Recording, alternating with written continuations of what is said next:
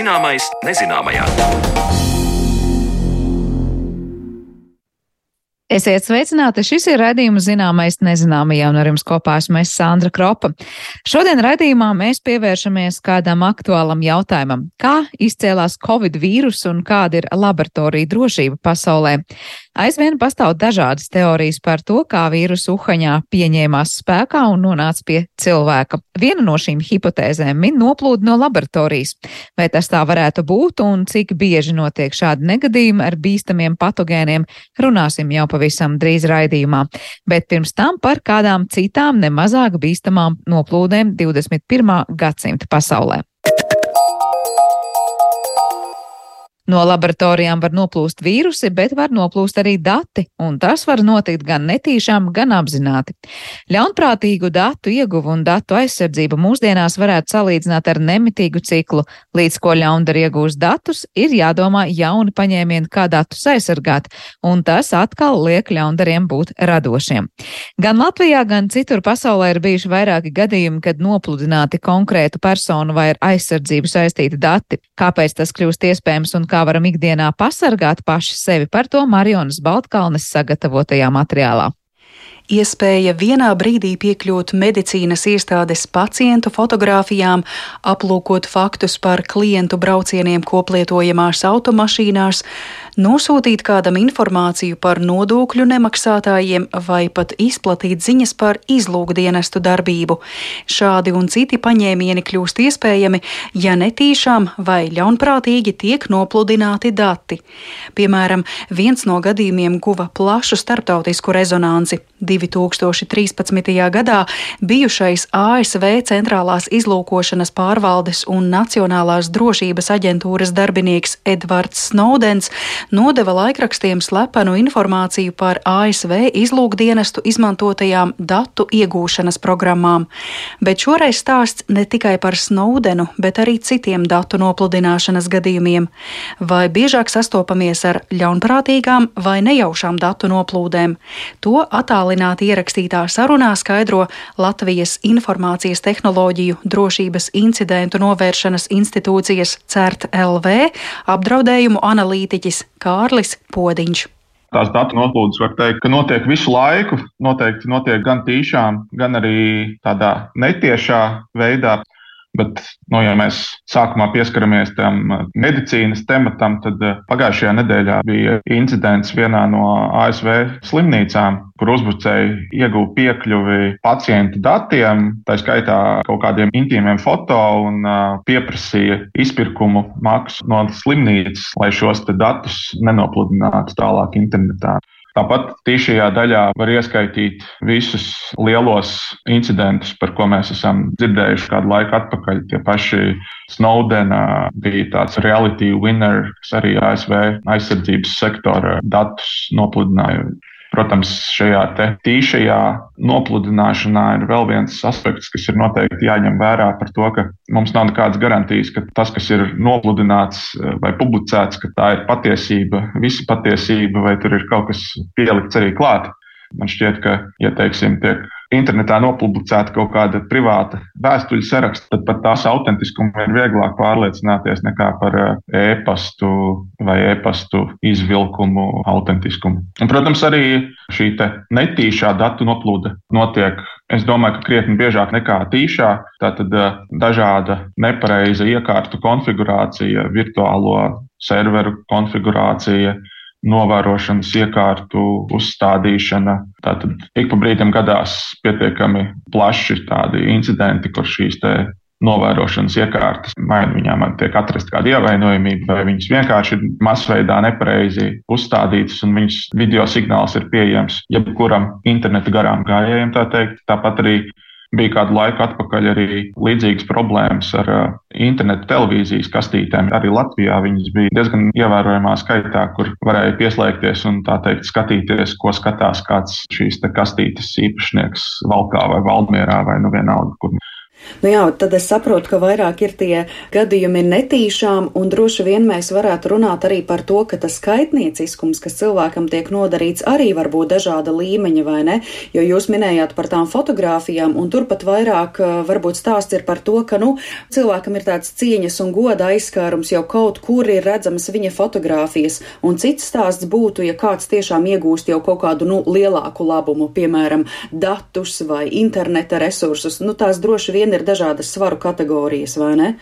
Nu jā, teiksim, bija nu jau, man liekas, ka būs kādi gadi desmit apmēram atpakaļ. Tātad nu, ASV valdība apgalvo, ka tas bija Ķīnas drošības dienestu roku darbs. Tātad tika iegūta informācija no Office of Personnel Management. Tātad, Tā ir valdības iestāde, lielās valdības kadru daļa, un tā tad tajā bija personīgās lietas, principā par visiem ASV valdības darbiniekiem. Tā skaitā no tā varēja netieši iegūt ziņas par to, kuri no šiem darbiniekiem visticamākais ir drošības dienestu darbinieki. Tātad nu, ļoti katastrofāls sekas šo dienestu darbībai, kuri grib palikt ēnā.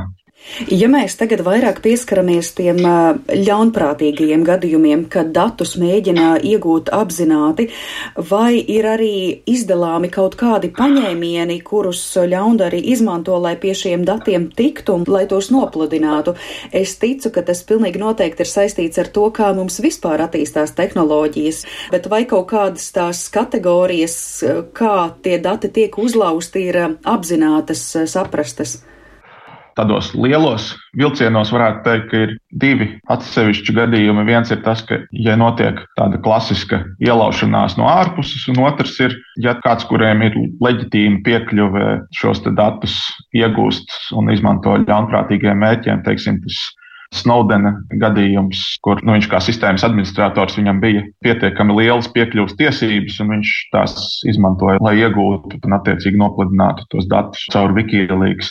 Tas ir viens variants, nu jā, un otrs ir kaut kādi caurumi tajās sistēmās, kur var apiet aizsardzības metodes un tātad, principā, izmantot funkcionalitāti, kura tajās sistēmās ir, bet kuru to sistēmu īpašnieki nav paredzējuši. Tātad kaut kas liekas, kaut kāda ekstra un tādā veidā piekļūt tiem datiem. Tad neliela izglītojoša atkāpe ir vajadzīga, ka latviešu valodā, manuprāt, ir ļoti nepareizs apzīmējums uzlaust, jo tam ir pieskaņa, ka kaut kas ir bijis kārtībā, un tad tas ir bijis salauzts. Ka, nu, mums bija durvis, durvis bija aizslēgtas, atnāca kāds ļaundars ar lauzni, uzlauza durvis un piekļuva mūsu informācijai. Jo lieta ir tāda, ka tur ir bijušas kaut kādas problēmas, nu, tās durvis īstenībā ir bijušas vaļā. Nu, tad, attiecīgi, nu, tur nekas lausts uh, īsti nav, bet nu, tāda, tāda valodas īpatnība, ka latviešu valodā mēs izmantojam to terminu uzlaust, kuram ir tikai tāda negatīva, vardarbīga noskaņa, kamēr angļu valodā tiek izmantots tas eh, hacking, kuram ir arī tā ļoti konkrētā radošā dimensija, ka kaut ko uztaisīt tā, kā tas nav bijis paredzēts, ka nu, hack together. Tas nozīmē, ka ļaundaris atrod kaut kādus parametrus, iestatījumus, caur kuriem viņš var tikt pie tiem datiem klāt. Ja?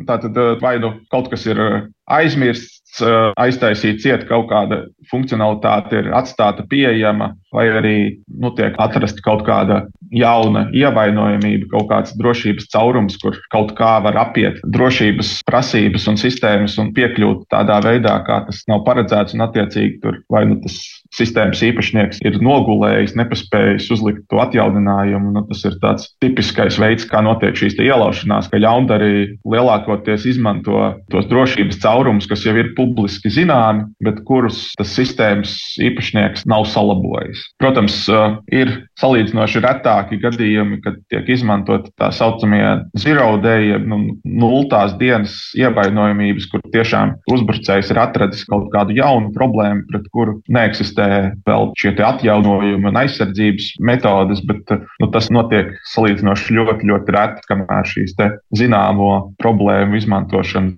tas ir tas 99 9,999% no incidentiem. Bet es tad gribētu arī vienlaikus jautāt uh, par datu aizsardzības sistēmu izstrādāšanu, proti, vai sistēmas ir iespējams izstrādāt tikai reaģējot uz kaut kādiem notikumiem, kas jau ir bijuši, vai tomēr to visu ir iespējams gudri radīt un izdarīt pirms vēl kaut kas ir noticis, un cik sarežģīti tas ir?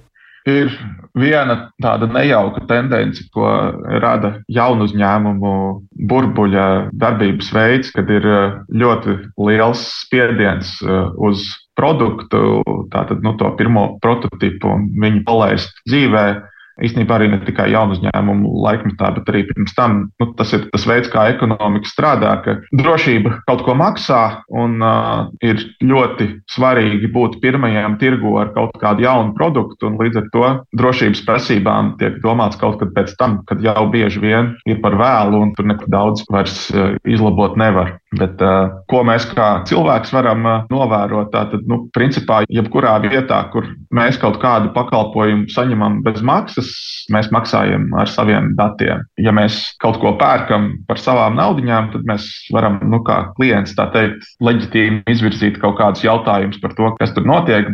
Ja jūs pērkat kaut ko no lielāka ražotāja, kas kaut kādu produktu ir attīstījis ilgāku laiku, tad nu, var cerēt, ka tur ir kaut kas vairāk padomāts par drošību. Tā viena no lielākajām problēmām ir, ka drošība ir ārkārtīgi grūti izmērīt, praktiski neiespējama. Tā ir tāda ticības lieta, Bet uh, es vēl iedomājos, teiksim, uh, vispār kopumā, piemēram, tādās medicīnas iestādēs un jebkur citur, kur šī datu drošība ir svarīga, vai tās aizsardzības sistēmas lielā mērā, nu, attīstās tikai tad, kad kaut kāds incidents jau ir noticis, un tikai pēc tam mēs saprotam, ā, tā mums vajadzēja rīkoties, un tad tagad mēs tā darīsim.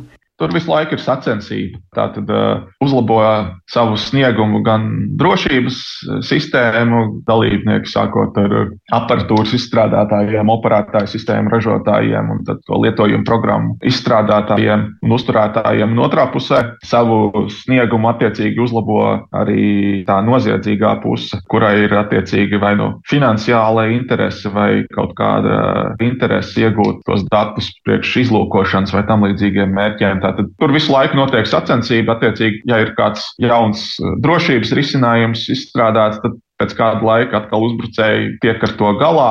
Kāpēc un kā? Tātad uh, visus šos rīkus izstrādā cilvēki, un cilvēki kļūdās. Un tātad nu, tās kļūdas programmatūrā attiecīgi tiek izmantotas no ļaundaru puses. Vai mēs kādreiz tiksim līdz līmenim, kur pēdējā kļūda tiek izlabota, nu viss ir absolūti drošs, nu, pārskatāmā nākotnē laikam nē. Bet vai datu nopludināšana var būt arī labvēlīga? Piemēram, ja kļūst pieejami dati, kas pierāda kādas personas negodprātīgu rīcību, vai datu publiskošana varētu iegūt tieši pozitīvu nozīmi? Te mēs iespējams varētu attīstīt vēl vienu sarunu par ētiskajiem apsvērumiem, taču izskatās, ka ir jau bijuši gadījumi, kad datu nopludināšana ir saistīta ar kādu augstāku mērķi.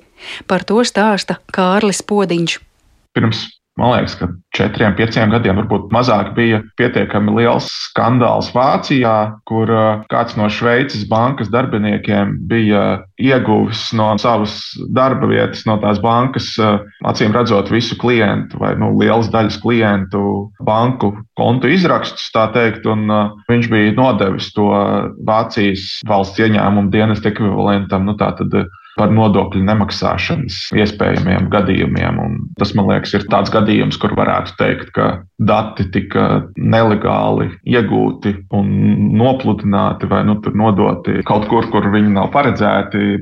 Tur varētu droši vien teikt, ka tur tas mērķis attaisno līdzekļus. Tur būs grūti atrast kaut kādus argumentus pret šādu rīcību, izņemot nu, Šveices iekšējos banku slepenības likumus un iekšējās kārtības noteikumus. Bet, nu, jā, noteikti personīgās eh, sarakstas nopludināšana, nu, jā, tas ir eh, ļaunums, no kura vajadzētu maksimāli izvairīties ko mēs varam kā cilvēki, parastie un potenciālie upuri darīt. Nu, Pirmkārt, mēs varam nu, izvēlēties uzticamus pakalpojumu sniedzējus, izmantot uh, maksimāli piedāvātās drošības sistēmas. Tātad uh, tā pati divfaktoru autentifikācija, ko piedāvā gan Google, gan visi pārējie pakalpojumu sniedzēji, lai uzbrucējiem nepietiktu tikai ar jūsu paroli, lai piekļūtu jūsu datiem. Un otrs uh, ir minimizēt to datu apjomu, saprast, eh, cik daudz jūs esat gatavs dalīties ar visu pasauli. Nu, varbūt, ka regulāri dzēst e-pasta saturu, kurš jums vairs nav vajadzīgs, vēstuli izlasījām, sapratām, izdzēsām, nu, ja kāds uzbrucējs piekļūst jūsu e-pasta saturam, nu, viņš piekļūst tikai kaut kādai aktuālai informācijai, nevis jaunības dienu kā foto. Nu, tāpat uzmanīgi izskatīt visus citus pakalpojumus, ja jūs maksājat veikalā ar skaidru naudu un nelietojat lojalitātes kartes, tad jūs esat principā pasargāts no jūsu pirkumu vēstures noplūdes, jo tādas vēstures vienkārši nav. Ja jūs uh, visur maksājat ar bankas karti un uh, izmantojat kaut kādas lojalitātes kartes, tad tie dati kaut kur uzkrājas un kāds viņiem potenciāli var piekļūt. Tāpat viens no mūsu reģionā zināmiem datu noplūdes gadījumiem bija ar pirms vairākiem gadiem, kad kopbraukšanas pakalpojums City bija Latvijā, gan viņš vēl nebija, bet Lietuvā jau viņš bija. Un uh, tika nopludināti tie CTB klientu braucienu dati, un tur bija arī kaut kāda daļa ar Latvijas valsts piedarīgo braucienu dati nopludināti attiecīgi. Nu, ja jūs negribat, lai jūsu braucienu vēsture ierakstās, brauciet ar tramvaju, brauciet ar taksi, maksājot skaidrā naudā, brauciet ar personīgo mašīnu, brauciet ar velospēdu. Tā ir dimensija, par ko ir jāpadomā. Nu, protams, ka cik augstu to folijas cepurīti katram uh, gribas likt galvā, tas ir nu, tāda personīgā izvēle, jo tas vienā pusē ir ērtības, otrā pusē ir kaut kāda drošība pret datu noplūdi, bet nu, tas ir katra paša lēmums.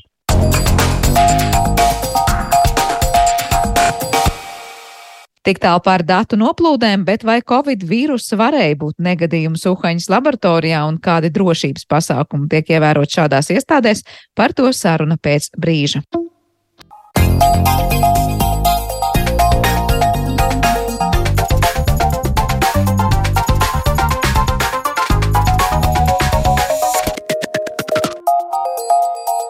Zināmais nezināmajā.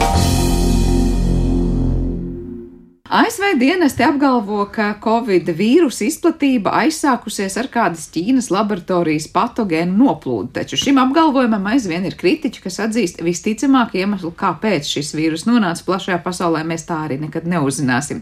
Taču tā nav pirmā reize, kad izskan apgalvojumi par biodrošību laboratorijās, un šodien, tad, nu, turpmākajās eh, raidījuma minūtēs mēs runāsim tieši par to, skaidrosim, kā ir aprīkots mūsdienu laboratorijas, cik drošas tās ir un kādas kļūdas varētu radīt patogēnu nonākšanu ārpus laboratoriju telpām. Tieši tāpēc es sveicu studijā Latvijas biomedicīnas pētījumu un studiju centru vadošos pētniekus Dācis Pjanovu un Dāvidu Friedmanu. Labdien!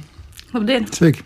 Uh, droši vien esat dzirdējuši pēdējo nedēļu aktualitāti, kas arī masasaziņas līdzekļos ir izskanējusi, brīžiem kritizēta un brīžiem savukārt pelta vairāk vai mazāk, uh, ka, ka, ka, ka ir pārpublicēts tāds, nu, tā kā pētījums vai vismaz izteikums, ka ļoti iespējams tas Covid mums savulaik ir, ir noplūdis no Ķīnas laboratorijas. Pēc tam, protams, daudz uzreiz kritizēja un teica, ka tur īsti pamatojumi tam visam nav.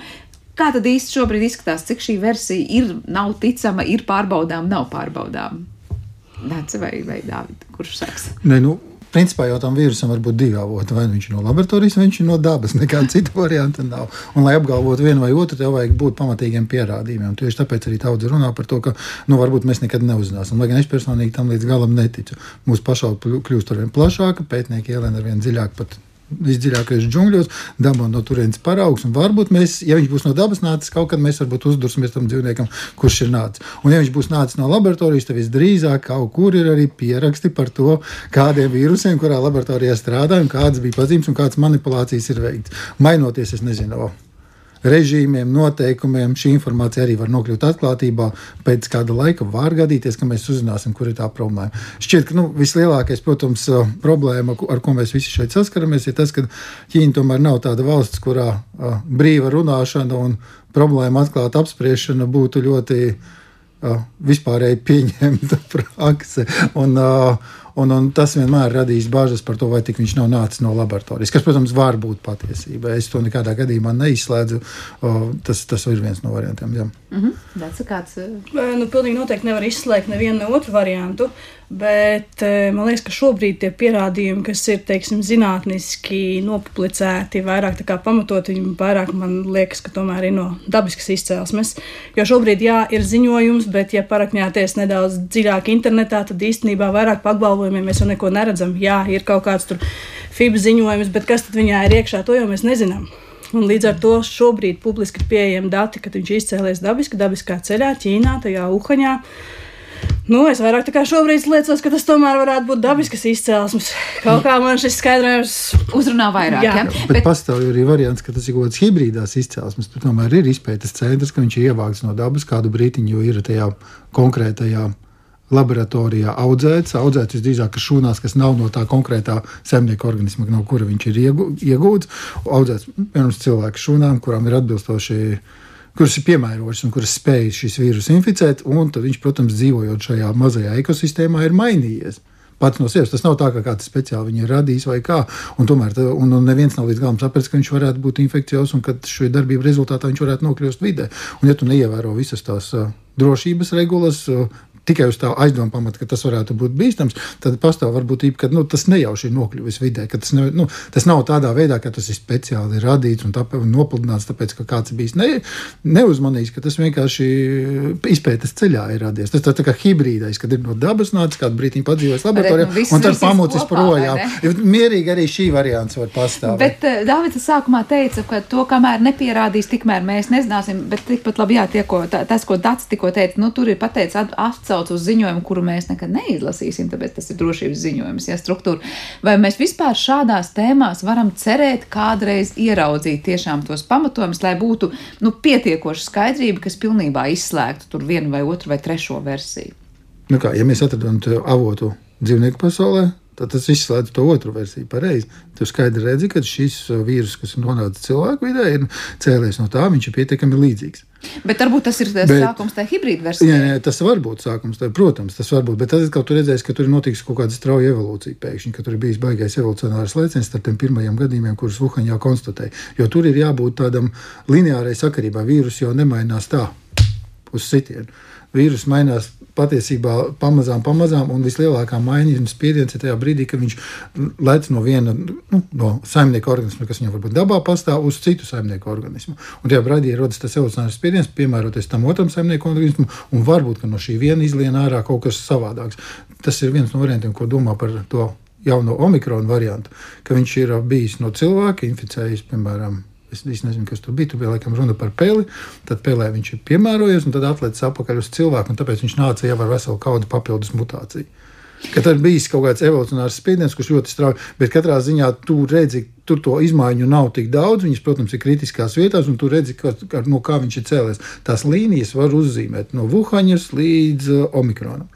Tādā ziņā, ka tu to koku vari tīri labi izzīmēt un, un atpazīt. Tur to mutāciju nav tik daudz. Un, ja mēs atrodam to dabīgā, dabā esošo vīrusu, tur ir jābūt ir tam, tai distancē evolucionārai. Tas ir cik daudz tur mutācijas notikušas, jābūt pietiekami tuvai, lai tu saprastu, ka tas ir viņš. Mhm. Līdz ar to, ja atradīs dabā, tad tur, tas attīstīs. Hibrīdo variantu tas, protams, nekādā gadījumā neizslēdz. Un, jā, nu, un, un versijas ja, tā tad nāks un nāks. Ja runāja par dokumentiem, nu dokumenti noplūst. Nu, visās valstīs ir kāds snowdens, kurš kaut ko nodod. Bet tas, ko Dācis pirms tam minēja, ka kā šobrīd tie argumenti, kas liek domāt par to dabisko izcelsmu muhaņā, ir tik spēcīgi, lai teiktu, visas nepārskatu pat tās otras, trešās versijas varbūtību. Cik mums šobrīd, pirms mēs pievēršamies laboratoriju drošībai kā tādai, par Covid beidzot runāt, ir tā sajūta, ka nē, tā tomēr ir tā gala versija, tā ir tā dabiskā izcelsme. Nē, nu to galīgi nevar izslēgt. Vienkārši tie pirmie arī ziņojumi, kas bija, un teiksim, šīs salīdzināšanas, nu tur jau rādījās, ka tas nāk no no dzīvniekiem. Nu, un tālāk, kad tas patiešām pāriet šo barjeru, kad pāriet un tiek nokļūst līdz cilvēkiem, nu, tur jau arī viss sāks, tur jau sāks tā mainība. Un, un, un, jā, un tālākais un hibrīda variants, nē, nu, izslēgts jau nav nekas. Kamēr mēs neuzzinām patiesību. Un patiesību mēs varam uzzināt tikai balstoties uz pierādījumiem. Kā nav, nav pierādījumi, tās ir tikai hipotēzes. Un katrs zinātnieks, katrs zinātnieks, protams, pieturas pie viens vai otras hipotēzes, kura viņam liekas kaut kāda viena vai cita iemesla dēļ pārliecinošāka. Jo nu, faktiskais materiāls, ko mēs esam dzīves laikā uzkrājuši, starp mani un Daci, kur mēs vienā organizācijā bieži apmainamies ar viedokļiem, tomēr atšķirās. Un nevar gaidīt, ka mans būs tāds pats kā kolēģim ASV. Tieši tā pārliecības nu. kluso citas un pieredzes vispārējais. Bet eh, cik vispār pamatoti mēs varam teikt, ka mēs dzīvojam tādā drošā pasaulē? Nu, tie, kas ar zinātni nav saistīti, ļoti bieži dzird par to, ka tur laboratorijās kaut ko pēta, un tad nu, divi varianti - apzināti vai nejauši kaut kas izkļūst apkārtējā pasaulē un nodara ļaunumu ļaunumu. Vai mēs vairāk šobrīd runājam par to, ka tā ir maza iespējamība un tas notiek ļoti, ļoti reti un var notikt ļoti, ļoti reti, vai patiesībā tā ir tāda, nu, godaprātā jautājums un dzīves pulvermucis? Nu, tas ir, man liekas, ka dzīves pulvermuts, ja runājam par epidemioloģiju, ir fakts, ka mēs lidojam.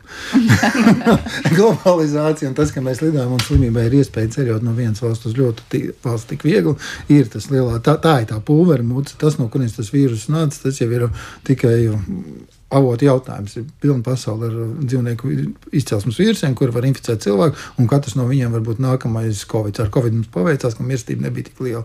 Bija savulaik mums vēsturē spāņu gripa, tur bija trakāk. Un, o, tieši tas, ka fakts, ka mēs ceļojam pa visu pasauli, tas, kas to vīrusu izplatību veicina. Tā ir tā pulvermots. Tie, tie infekcijas avotu, viņi visu laiku radīsies. Jo, jo mēs esam šeit, mēs no vīrusu viedokļa, mēs esam barība. Un kur ir barība, tur būs arī plēsēs. Un, ja barība ātri pārvietojas, jā, tad, tad, tad plēsēs skrien līdzi. tieši tā, tieši tā. Nu, bet doma ir tāda, ka uh, kur ir barība, tur būs arī plēsēs, un vīrus šajā gadījumā ir tas, kurš ir plēsēs, un, un radīsies jauni un jauni tie, tie patogēni. Nu, tas ir vairāk kā skaidrs, ka lidošana un mūsu mobilitāte kādi citus gadsimtus nav bijusi, nu, noteikti ietekmē to, kā izplatās arī slimības vīrusu un tā tālāk. Bet bet arī zinātne nestāv uz vietas, un, protams, ka laboratorijās nu, jūs un kolēģi citās valstīs pētat ļoti dažādas lietas. Jautājums, cik ļoti mēs, kas neesam ar laboratorijām saistīti, varam būt droši, ka tas neiznāk apkārtējā vidē kā papildus elements, kur radīsies jauna infekcija, jauns vīrus, jauns kaut kas. Jā, nu, šī, protams, kā jau jebkurā ar medicīnu saistītā vēsture, ir pilna ar visādām bēdām, jo sevišķi pašos, pašos pirmsākumos, jo, jo, jo nu, tu mācies tikai no savām kļūdām. Un es, es tev pat iemetu aci Wikipēdijā, mēģināju saskatīt, cik tādu patogēnu izplatīšanos vidē no izpētes centriem ir noticis. Nu, viņu ir daudz. Tas arī bija ļoti garš. Kādā laika vienībā tas skatījās? Tas ir no 1900 kaut kas sākuma līdz, kad zinātnē tā būtiski attīstījās. Un, nu, pierādījumos balstīta zinātnē un sāka tos vīrusus atzīt, kā, kā, kā tās zināšanas bija pietiekami labi, lai atzītu, ka mikroorganisms izraisa slimības. Tad ir viņi sāk mēģināt kultivēt. Un tās pieredze ar to, kā viņus kontrolēt un kā ar to strādāt, tā jau nākusi tikai no tā, kad kāds ar viņu ir strādājis. Un, un, protams, tur, kur kāds strādā pašā sākumā, tu pieļauj kļūdas.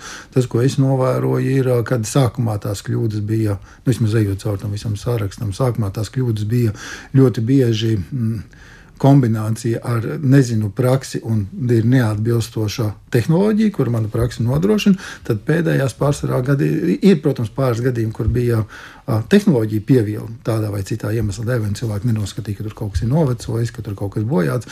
Bet lielākajā daļā gadījumā tas tomēr ir bijis vienmēr cilvēciskais faktors, kurš to ir pieļāvis. Un pateicoties tam, ka tas ir vienmēr ir bijis kontrolētā vidē, kur tie cilvēki zina, ar ko viņi strādā, un uh, tā komunikācija vienmēr ir bijusi atvērta. Ja es pareizi atceros, tad gandrīz nekad viņš nav bijis tā izplatīts, piemēram, cilvēku populācijā tālāk par tiem laboratorijas darbiniekiem. Jo viņi uzreiz saprot, kas ir par problēmu, uzreiz ieslēdz mehānismus, lai to situāciju nokontrolētu, un viņa neizplatās plašākā populācijā. Un tas ir viens no tiem uh, drošības, uh, kā to angļuiski sauc, layers, uh, vairogiem, slāņiem, kurš, kurš, kurš, kurš, kurš, kurš eksistē. O, šeit dats īstenībā pat varbūt vairāk var pastāstīt, jo es pats laboratorijā iet ar vīrusu nestrādāju. Mums ir kā reize bioloģiskās drošības līmeņa trešā, labara, trešā bioloģiskās drošības līmeņa. Tā ir augstākā? Nē, ceturtā ir augstākā, un es negribu iet ceturtajā, un es negribu, lai mums tuvumā ir. Mēs vienkārši, nes, nu, viņas pirmām kārtām ir dārgas eksploatācijā, otrām kārtām tas tomēr ir diezgan lieli riski. Uh mhm. -huh. Un tev vajag diezgan augstu apmācītu personālu un vairāk līdzekļu zinātnē, tāpēc, ka, lai to visu noturētu drošā līmenī. Nu, un, un, ir če, un, un, un mums ir tā trešā līmeņa. Un, principā ir četri līmeņi. Pirmais ir Tad, kad tu strādā ar kaut ko, ko tu zini, ka principā nav patogēns, neko neizdarīs. Otrais ir, ka tu zini, ka tas teorētiski var izraisīt saslimšanu, bet tu viņu nevari ielpot. Tev ir nu, reāli sevi jāgriež, lai, lai, lai, lai tu saslimtu. Otrais, trešais ir tad, kad tu teorētiski vari ielpot, bet slimība nav smaga un ir ārstējama. Un ceturtais ir tad, kad nu, tur ir bēdīgi. Ja, ja tu šito dabū, tad ir lielas ziepes. Bet tajā trešajā ir tas līmenis, kurā jā. pateikt, ka mums tagad ir visi šie te, dažkārt mums redzētie boksi un daudz kas cits, ka mēs strādājam, lai neieelpotu un praktiski nav iespēja ieelpot, vai pētniekam to, to ar ko jūs strādājat, vai vienalga. Sanāk, nu, vadlīnijas ir plašas. Es teiktu, ka mūsējā ir no tā tehniskā aprīkojuma un no prakšu viedokļa starp vidus starp 3 un 4. Mēs esam, man liekas, pacēluši solīti tālāk, tikai lai nodrošinātu, ka mūsu personāls ir uh, drošs drošībā. Jā. Bet varbūt labāk nāciet, es daudz runāju. jo, jo, principā, jā, mēs tur strādājam, ir iets iekšā, un tas principā izskatās tā, ka tur ieiet tikai caur vienu pusi. Ieejot cilvēks noģērbjās, uzvelk speciālu tērpu, uzliek masku, uzvelk nu, tādus zābaciņus virs saviem apaviem, tad iet iekšā. Iekšā stāv vēl laminārs, kuram ir nu, varbūt cilvēki no bildēs redzējuši, kur liek iekšā rokas. Cimdus. Uh, nu, caur cimdiem, rokas caur cimdiem liek iekšā šajā laminārā. Tāpat laminārā ir vienas drošības durvis, otras drošības durvis, kuras nevarēs vaļā, ja vienas ir vaļā vai attiecīgi aizmirstas.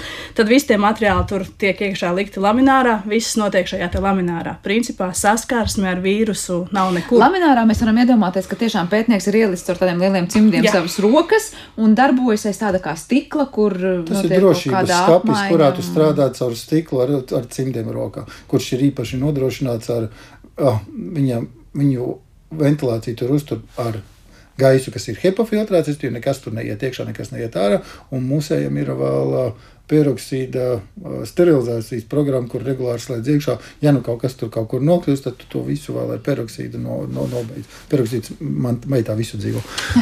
Bet tad, var teikt, nu, tā ir tā trešā līmeņa laboratorija, kur nav tā visaugstākā, kurā vienalga ir darīts visu, lai pētnieks neko neieelpot un saskarsmē ar šīm bīstamām vīrusiem, baktērijām, ar ko jūs strādājat, nenonāktu. Mums ir trešā, jā. es teiktu, trešā ārpuse. Nu, jā, jo, cet, jo ceturtā līmeņa laboratorija no trešās atšķiras principā ar to, ka tāds aprakstīja, kā viņi uzvelk halātu un zābaciņus. Ceturtā līmeņa laboratorijā tu uzvelk tu skafandru, kurā pūš iekšā gaisu sterilo ar domu, ka, uh, nu, ja kāds baktērija pa jebkuru skafandras brauciņu mēģina tev piekļūt, tu viņu pūt ārā no sevis. Un šīs lietas mums nav.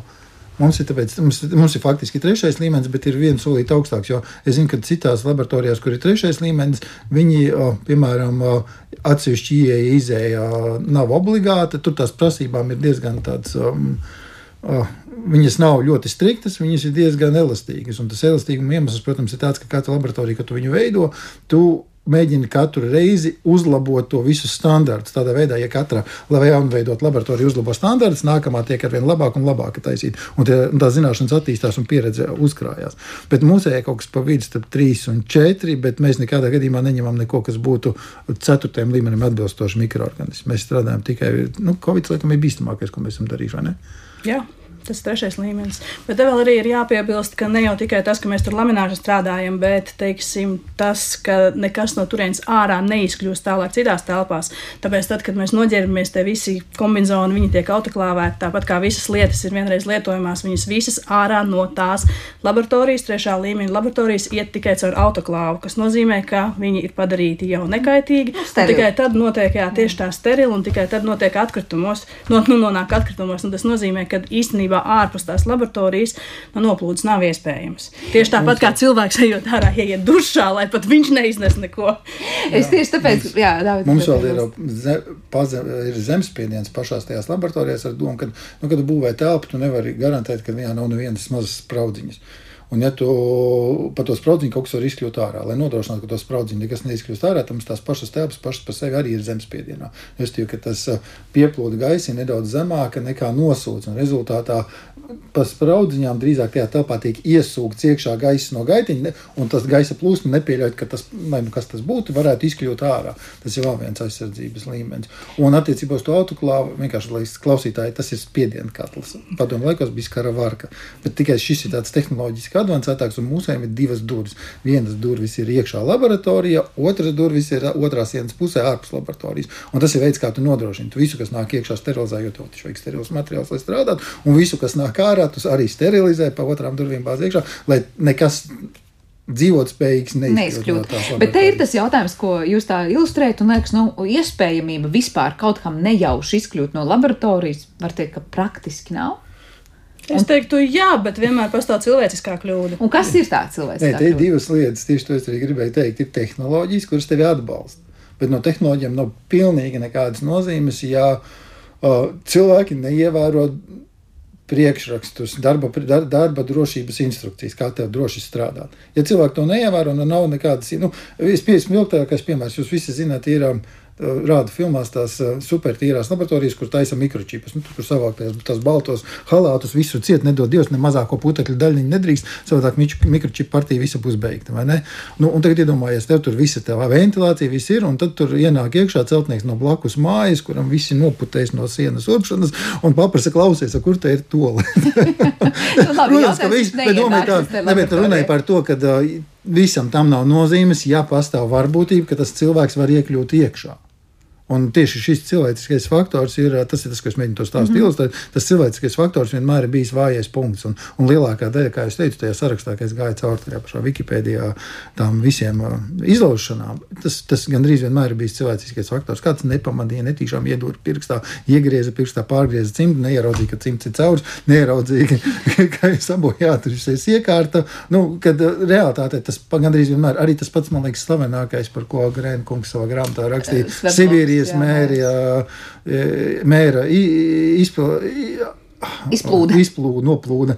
Viņi jau radās cilvēciskā faktora dēļ. Tas, ka viens cilvēks vakarā izņēma veco filtru un neielika jaunu, domādams, ka tas no rīta viņu ieliks, jo viņam bija jāskan, nezinu, bērns izņemt vai no kurienes. Otrs nāca no rīta un zina, ka drošības protokols ir, kad jāieliek jaunais filtrs, ka bez filtra kaste nedrīkst stāvēt. Un tik turpināja strādāt. Tie ir 70. gadi Krievijā. Jā, jā, jā, jā, notiek, jā, vai šobrīd vienkārši pie, pie šie piemēra pieturoties, mums ir drošības instrukcija, kas pateiks, nepaļaujamies uz to, ka uh, vienam bija jāizdara izdara tas vakarā vai otram no rīta, vienmēr būs priekšrakstos teikts, ka pirms uzsākam darbu pārbaudām. Nu, tas man nāk prātā. Tas ir viena no lietām, kāds... ko mēs darām. Tu nekad, tu pēc sevis satīri, un pirms tu sēdi strādāt, tu arī satīri. Tad droši paliek droši visu vēlreiz tā kā pārspēt. Bet tas ir standarta laboratorijas praksē. Mm -hmm. nu, protams, tās ir vadlīnijas, tās ir vadlīnijas, ko visi ievēro, un te arī jāpiebilst, ka tādā laboratorijā neviens neielaidīs neapmācītu cilvēku. Un nebūs tā, ka tur cilvēks ies pirmo reizi, un ko man tagad darīt. Sākotnēji viņš tiek apmācīts, un tikai tad tiek pielaists darbam. Tā Jā, kā, mums nu... ir kartiņa durvis tur institūta. Tikai mums ir reāli tās durvis visu laiku ciet. Un, lai uh, cilvēciskais netiek, faktors. Jā, lai, nē, nē, nē, nē, lai minimizētu, ka uh, onkulis nepaprasa, kur ir to. Doma tāda, ka mums ir tām durvīm. Un, uh, principā, es, piemēram, šajā mūsu institūtā gandrīz visās telpās tiek, tajā es netieku.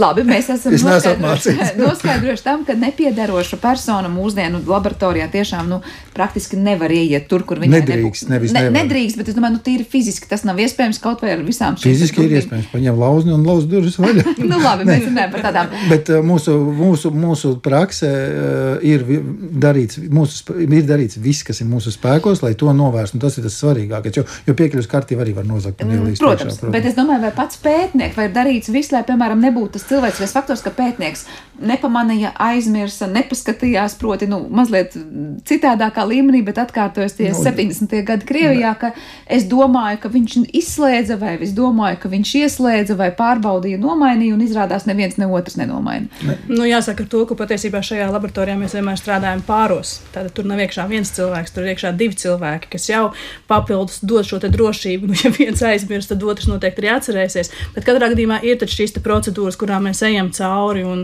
nu, viņas ir zināmas, viņas ir pieliktas redzamā vietā, pat, nu, turklāt visa šī apmācība, nu, kas varētu notikt. Nu, grūti iedomāties, ņemot vērā, ka mēs vēl, kā saka, mainām drēbes, pārģērbamies, nu, maz iespējamība, ka es iebāzu savu cimdu kabatā un izgāju ārā.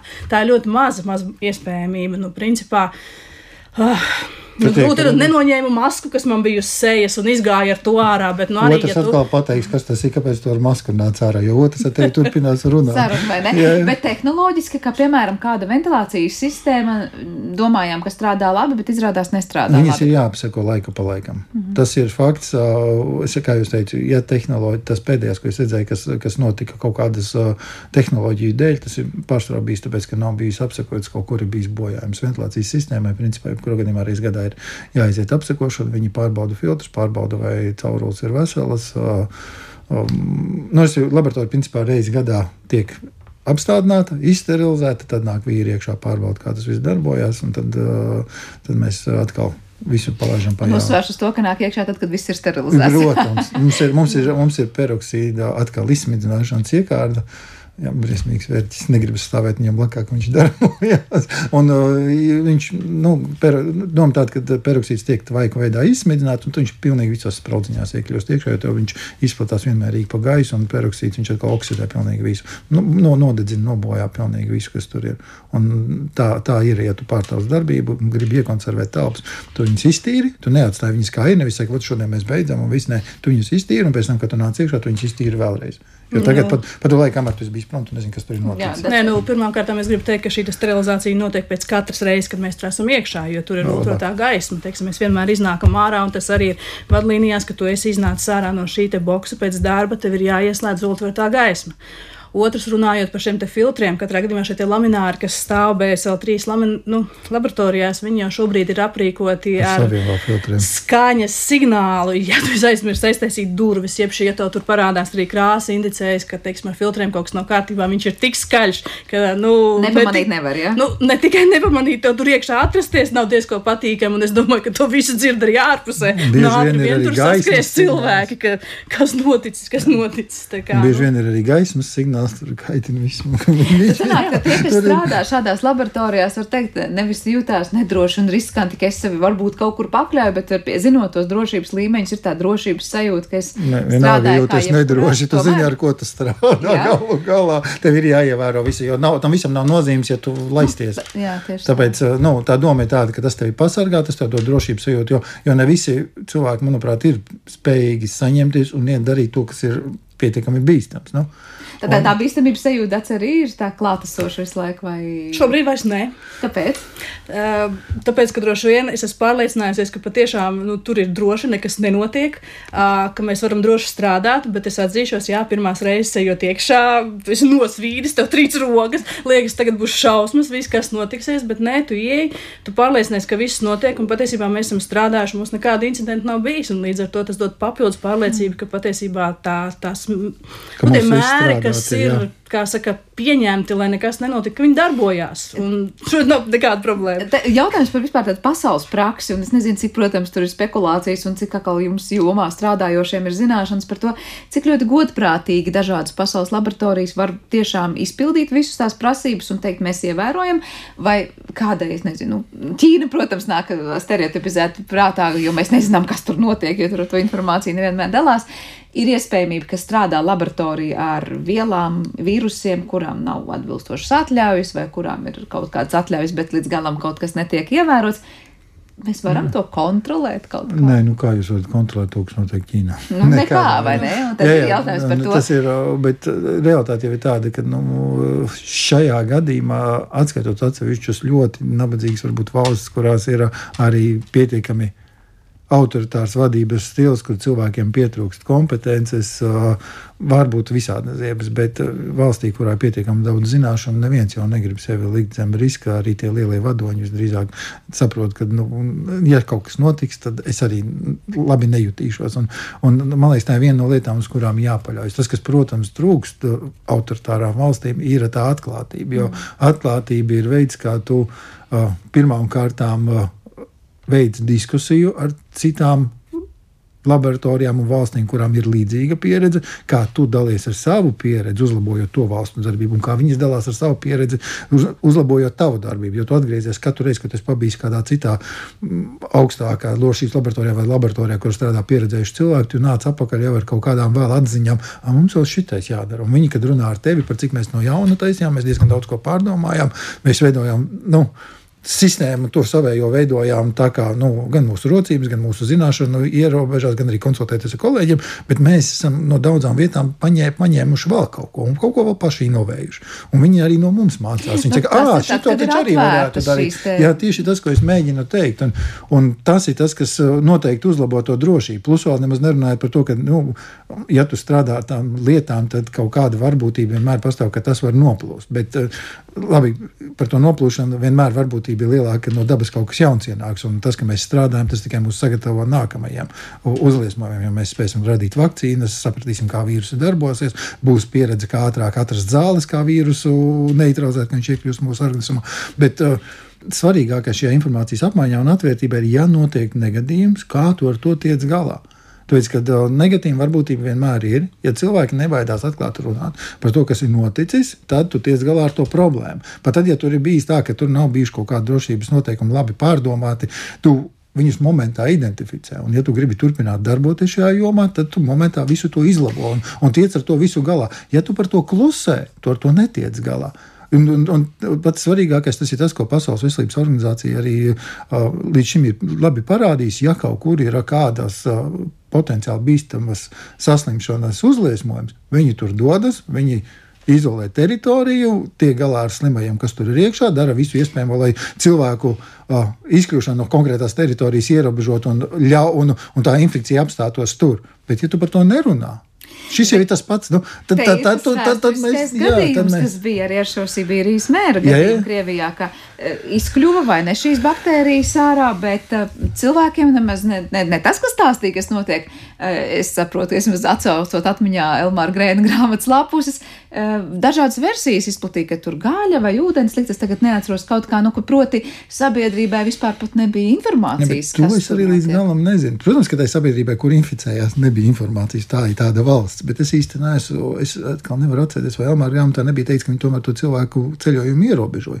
No otras puses, padomju savienība ir pietiekami autoritāra vadības stils. Viņi mierīgi varēja ierobežot cilvēku un tie pat nebūtu aizdomājušies, kāpēc mums neļauj nekur braukt. Respektīvi, ka iespējams, es nezinu, kā bija, ka iespējams, ka viņi veic ierobežojušās darbības, tikai tās tika darītas neinformējot par to sabiedrību. Par ko, kāpēc vispār? Par ko, kāpēc, ka tie cilvēki sēdēja, savā starpā tur lipinājās, un kamēr visi izslimoja, un, un, un viņi tur ārstē stāstīja par gaļu, bet vai varbūt viņi ierobežoja to nokļuvu. Man, man ir grūti iedomāties, ka padomju savienība nedomāja par šādām lietām.